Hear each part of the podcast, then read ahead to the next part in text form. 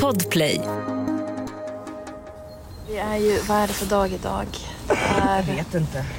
klockan är tio. Vi är och jobbar. Vi är i en stad i Ukraina med olika militärförläggningar. Eh, Och vi väntar nu på att vi ska göra nästa grej. Vi har västar som ska klara eventuella attacker här. Vi konstaterade just att de är inte gjorda för tjejer. Riktigt. Nej det är de inte. Vad som jag uttryckt att man... Det är lite som att göra mammografi hela, hela dagen. Eh, men jag ska försöka lyfta upp brösten så att de Man får trycka upp tuttarna så blir det lite bekvämare. Exakt. Du lyssnar på Kriget inifrån, en podcast från Expressen med mig Nina Svanberg och fotograf Lisa Mattisson.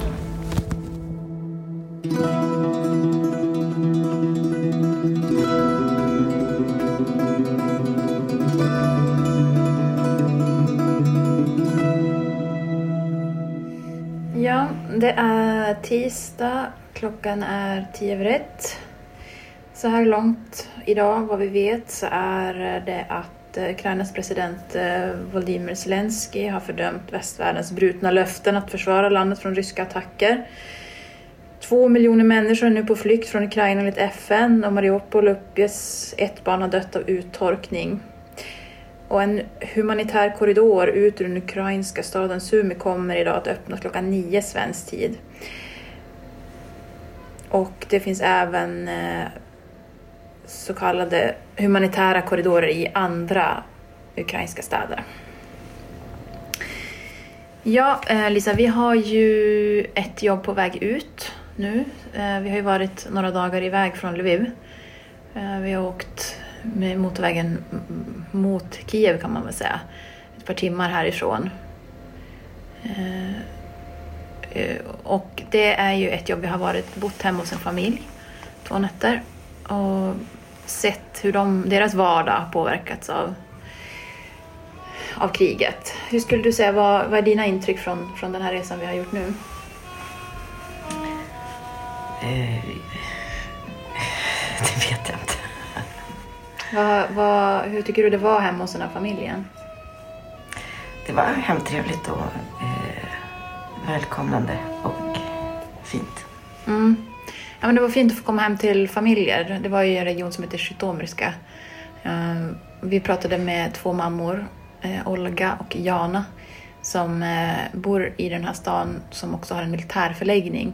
Vilket ju innebär att det finns ett reellt och ganska stort hot, militärt hot från, från ryskt håll, alltså att de ska slå till där. Och när vi var där så, så skedde det ju attacker ett par mil från där vi var. Och vi var ju också själva nere i bomb... Eh, alltså vi var ju också själva nere i skyddsrum. Ehm, ja, eh, vi var ju hemma hos den här familjen. Eh, och det som var speciellt, det var ju just att få komma in till en familj som eh, lever, som deras vardag är det här. Det var speciellt att få komma in i deras liv, tycker jag. Och de bor ju också i en stad som är helt mörklagd på kvällarna. Från klockan sex ska det vara mörkt. Då har man täckt för fönster. Eh, och det var ju just så det var i deras hem. Det var dunkelt, mörkt.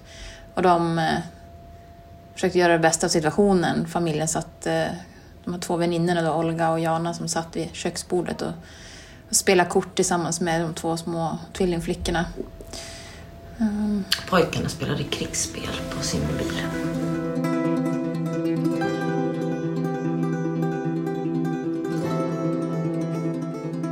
Men det var ju rätt speciellt när vi var på militärförläggningen också för eftersom att flyglarmen gick och vi fick rusa ner med dem i, i, i bombskyddet och sitta där på obestämd tid samtidigt som vi ju hörde att det var väldigt febril aktivitet i liksom deras eh, kontrollrum, eller vad man ska säga, där de hade koll på var de ryska bombplanen var någonstans.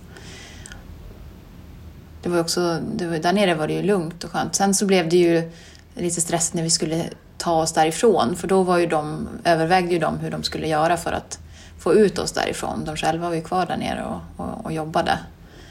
Eh, för då var det ju just överläggningarna kring hur säkert är det att springa till bilen? Vad är det säger?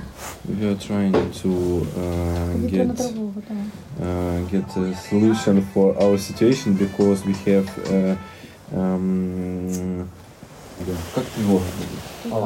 Air alarm, yes, and uh, uh, we found a plane was uh, not our plane, Ja, ja. was uh, flying uh, near the uh, city.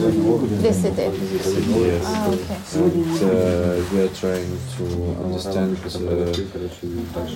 how to do it correctly, uh, go now or wait. Uh, and it's dangerous and want to sleep Mm. But is it about our ride or is it just general? near near us. Yes, but uh, what are the discussion about? Discussion about stay here and wait. Yes, Uh, or give us a ride. yes, or, or uh, wait here uh, for for example uh, half an hour, or uh, go now Mm. for our risk, for our luck. Yeah. Jo, men det var väl en korrekt bedömning. Vi skulle inte vara på militärförläggningen så sent. Vad tar du med dig från den resan vi gjorde då? Vad tycker du var mest speciellt? Vad tar jag med mig? Jag eh, tar med mig... Eh, jag vet inte. Det känns som att man inte har sagt hej då. Att man kommer träffa dem igen. Så kan det lär man inte göra. Eh, hur snabbt man blir en del av... Som att man känner varandra. Under sådana förutsättningar. Fast vi inte förstod ett ord av vad man sa till varandra. Jag började till och med prata svenska för jag bara gav upp. Och de pratade ukrainska. Eh, De kanske berättade jättespännande saker. Men vi hade ju hjälp av tolk ska vi säga, så vi har, inte, vi har ju inte... Eh, det är ju så vi har kunnat, kunnat intervjua dem så att säga. Men det är klart att man hade önskat att man hade, kunnat, att man hade förstått varandra ännu bättre. För det är ju jo, fast andra möten hade vi ju ingen tolk. Då var vi ju ensamma med dem. Ja, då blir det, mer, då blir det ju mer uppdraget på något sätt att vara en fluga på väggen, att man bara följer när, när kommunikationen inte är helt eh, lätt. Nej, Men det var ju väldigt lätt att vara där tycker jag med dem, för de var ju väldigt välkomnande och gulliga och fina på alla sätt. Du har lyssnat på Kriget inifrån, en podd från Expressen. Med mig Nina Svanberg och fotograf Lisa Mattisson.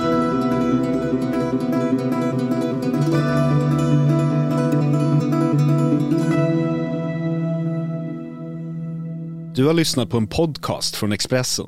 Ansvarig utgivare Klas Granström